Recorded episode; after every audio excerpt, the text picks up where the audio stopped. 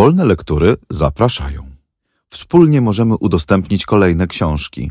Wejdź na wolnelektury.pl i dorzuć się do biblioteki.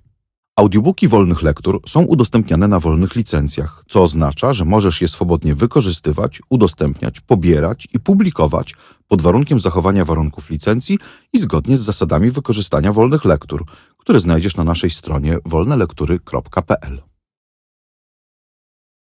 Charles Baudelaire. Kwiaty zła. Tłumaczenie Antoni Lange Adam Emski. Czyta Joanna Niemirska. Nagranie Studio Dźwiękowe Art Republika Rafał Poławski.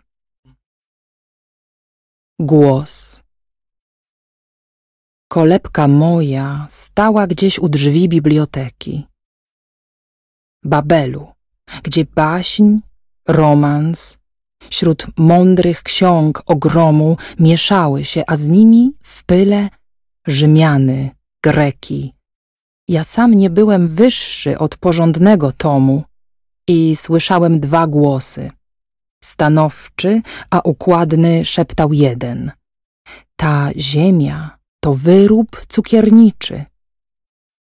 Mogę, wówczas w rozkoszy nie spotkasz tamy żadnej, dać ci apetyt równy powabom tych słodyczy. A drugi, o, pójdź ze mną błądzić po marzeń drogach, za krańce możebności, w dal, poza światy znane. Głos ten śpiewał jak wicher, szumiący po rozłogach, jak widmo nieokreślne, nie wiedzieć skąd przywiane, co słodko pieści ucho, a jednak trwoży sobą. Jam gotów, głosie luby, rzekłem, i od tej pory czuję to, co niestety można zwać mą chorobą, fatalnością mych losów. Odtąd poza pozory ogromu wszechstworzenia w czarnej otchłani głębi ja, ofiara dręczona przez jasnowictwa harpie, odróżniam tysiąc dziwnych światów, co się w mgle kłębi i wlokę z sobą żmiję, która mi stopy szarpie i podobnym prorokom, jak ongi ci tułacze, ukochałem tak czule głąb morską i pustynię. Śmieje się śród żałoby, przy ucztach świetnych płacze i znajduje smak zdrowy w najbardziej gorzkim winie.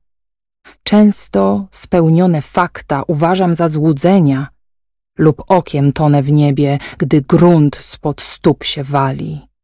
Lecz głos szepce z pociechą. Zachowaj twe marzenia. Piękności snów szaleńczych mędrcowie nie zaznali.